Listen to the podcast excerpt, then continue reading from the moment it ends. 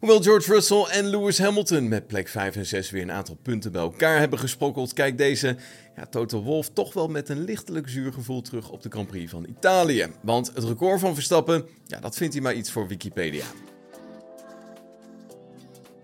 Max Verstappen heeft de zege weten te pakken in Italië op Monza en weet daarmee 10 overwinningen op een rij weten te verzamelen. Zelfs Mercedes kon dat in de dominante jaren niet voor elkaar boksen. Onze situatie was iets anders, want wij hadden twee coureurs die met elkaar knokten. Ik weet niet of dit hem iets doet, dat record, maar zoiets zou voor mij niet belangrijk zijn, dat soort nummers. Het is iets voor Wikipedia en niemand leest dat. Al dus Toto Wolf. Ja, schakelen we nog één keer over naar Italië. Onze reporter Jan is nog in de buurt van Monza. Jan, uh, wat waren jouw indrukken van de laatste Europese race van dit seizoen? Ja, goedemorgen.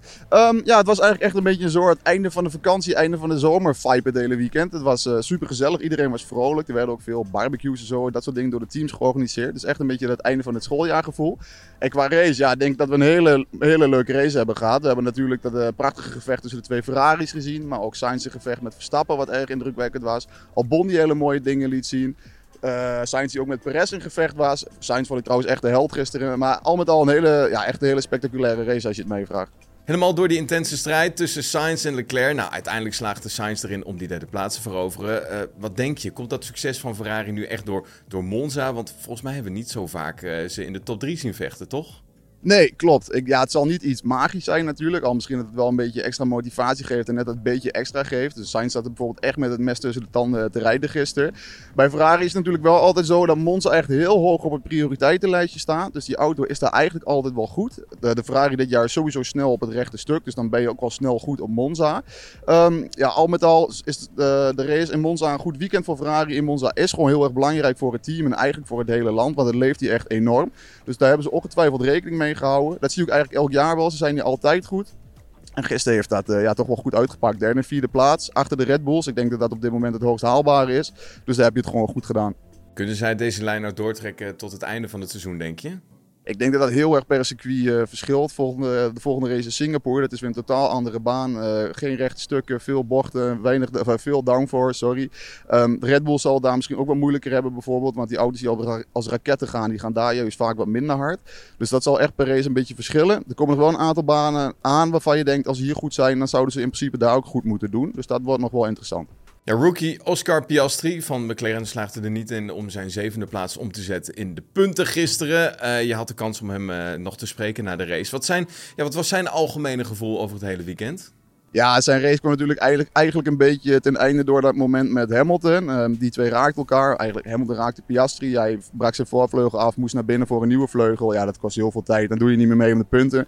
Uit mijn hoofd zijn nog steeds twaalfde geworden. Dus op zich best een knap resultaat al met al was het sowieso een beetje een stroef weekend voor McLaren. Ook zij gingen hier niet erg lekker.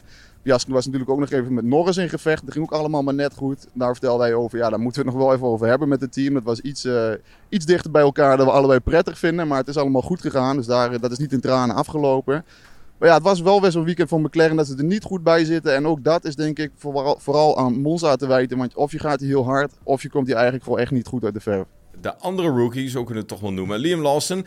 Ja, ik vond persoonlijk dat hij toch wel echt heel erg goed deed tijdens zijn tweede Grand Prix door als elfde te eindigen. Uh, is er trouwens al uh, enig nieuws over een mogelijke terugkeer van Ricciardo? In Singapore is hij er sowieso nog niet bij, dus dan zal Liam weer achter het stuur zitten. En in Japan zei Christian Horner gisteren, dat is wel erg positief om te denken dat hij er dan alweer is. Ze willen echt de tijd nemen. Um, hij vertelde, hij is nu aan het revalideren, hij heeft al wel weer mobiliteit in zijn hand. Maar ze willen niet het risico nemen dat hij te vroeger in de auto stapt dat het dan opnieuw misgaat. Dat je bijvoorbeeld vaak bij de MotoGP-jongens uh, ziet. En dan ben je gewoon heel veel langer van huis. Dus daar willen ze geen risico mee nemen. Dus sowieso, Suzuka, of, sorry, sowieso Singapore nog niet. Suzuka waarschijnlijk ook nog niet. Ja, dus dan krijgt Lawson nog even mooi de kans om uh, zichzelf te bewijzen in de Formule 1. Je krijgt niet vaak zo'n kans, toch? Uh, hij pakt volgens mij deze, ja, deze kans om in de Formule 1 te rijden met beide handen aan, toch? Ja, zeker. Hij maakte indruk in de paddock. En je zei het al gisteren al. Sorry, je zei het net al. Gisteren werd hij um, elfde. En ook met een twee-stop Dat was best wel een rare strategie. Dat deed het niet veel uiteindelijk. Dus om dan alsnog elfde te worden is best wel knap. Hij is echt snel. Um, hij zit ook helemaal niet ver van uh, Yuki Tsunoda af de hele tijd. Dus die uh, is echt wel goede dingen aan het doen. Ja. Die, laat zich, die zet zichzelf wel op de kaart op deze manier. Ja, laten we dan ook nog even kijken naar het team van Aston Martin. Stroll kwam uh, volgens mij niet verder dan de 16e plaats of 14e plaats. Terwijl zijn teamgenoot Alonso wel in de punten wist uh, te zitten. ook negende, niet heel veel puntjes. Dus niet een heel erg best weekend voor het team van Aston Martin. Wat verklaarde Stroll nou voor, ja, laten we toch maar zeggen, zijn slechte raceprestatie dit weekend? Ja, Stroll heeft inderdaad een heel slecht weekend achter de rug. Op vrijdag kwam hij natuurlijk nauwelijks niet aan rijden toe. Want in de eerste vrije training deed hij niet mee. In de tweede vrije training deed zijn auto het eigenlijk de hele sessie niet.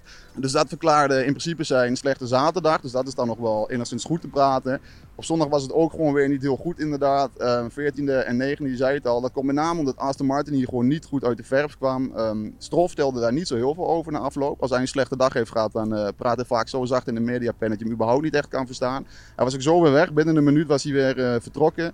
Alonso nam wel iets meer de tijd. Hij legde uit van ja, de auto ging gewoon voor geen op dit circuit. We hadden bijna geen grip. We hadden heel veel vibraties in de banden. En het enige wat we kunnen doen is de data bestuderen en hier heel veel van leren om ervoor te zorgen dat dit niet weer gebeurt. Dus dat is het enige positief hieraan voor Aston Martin. Voorkomen dat het nog eens uh, voorkomt in principe. En Stroll, ja, die zal dit weekend uh, snel willen vergeten, denk ik. Ja, hij doet ook interviews met andere outlets. En ik heb een beetje het gevoel, en misschien kun je dat helemaal ontkrachten hoor, maar dat het hem soms ook helemaal niet meer boeit of zo, of niet interesseert. Althans, zo komt hij een beetje over. Klopt dat? Ja, ik heb zelf een beetje het gevoel dat het een beetje ligt aan hoe zijn dag is gegaan. Wat, wat ik net zei, zoals gisteren. Dan komt hij in de mediapen en dan praat hij echt inderdaad best wel ongeïnteresseerd. Super zacht ook. En hij is ook zo weer weg. Waar bijvoorbeeld Russell er vaak drie, vier minuten wel staat bij de geschreven media. Is hij dan binnen een minuut weer weg. Het is natuurlijk ook best wel lullig voor de journalisten die daar voor hem komen. Hè? Want je hebt ook de Canadese pers die vooral hem volgen. Dus dan krijg je wel een beetje de indruk van, ja, heb je het wel naar je zin hier? Maar anderzijds zijn er ook stadweekenden waar hij wel uh, echt met de borst vooruit rondloopt. Dus ja, het is een beetje volgens mij een prestatie afhankelijk van bij hem. Maar uh, ja, ik kan, wel, kan me wel enigszins vinden in wat je zegt, Jan. Nou, top Jan, dankjewel. Uh, vanuit Monza en een veilige terugreis. Dankjewel, komt goed. Goed moment om de standings met je door te nemen. Bij de coureurs weliswaar, want Max Verstappen staat ja, nog steeds bovenaan met 364 punten. Daarachter vinden wij zijn teamgenoot Sergio Perez met 219. De derde plaats staat Fernando Alonso met 170, gevolgd door Lewis Hamilton in de Mercedes met 164. Daarachter vinden we de twee Ferraris Carlos Sainz met 117 punten. Plekje 6 staat Charles Leclerc met 111. George Russell komt in de buurt in zijn Mercedes. Hij staat op plek 7 met 109. Daarachter vinden we Lando Norris met 79.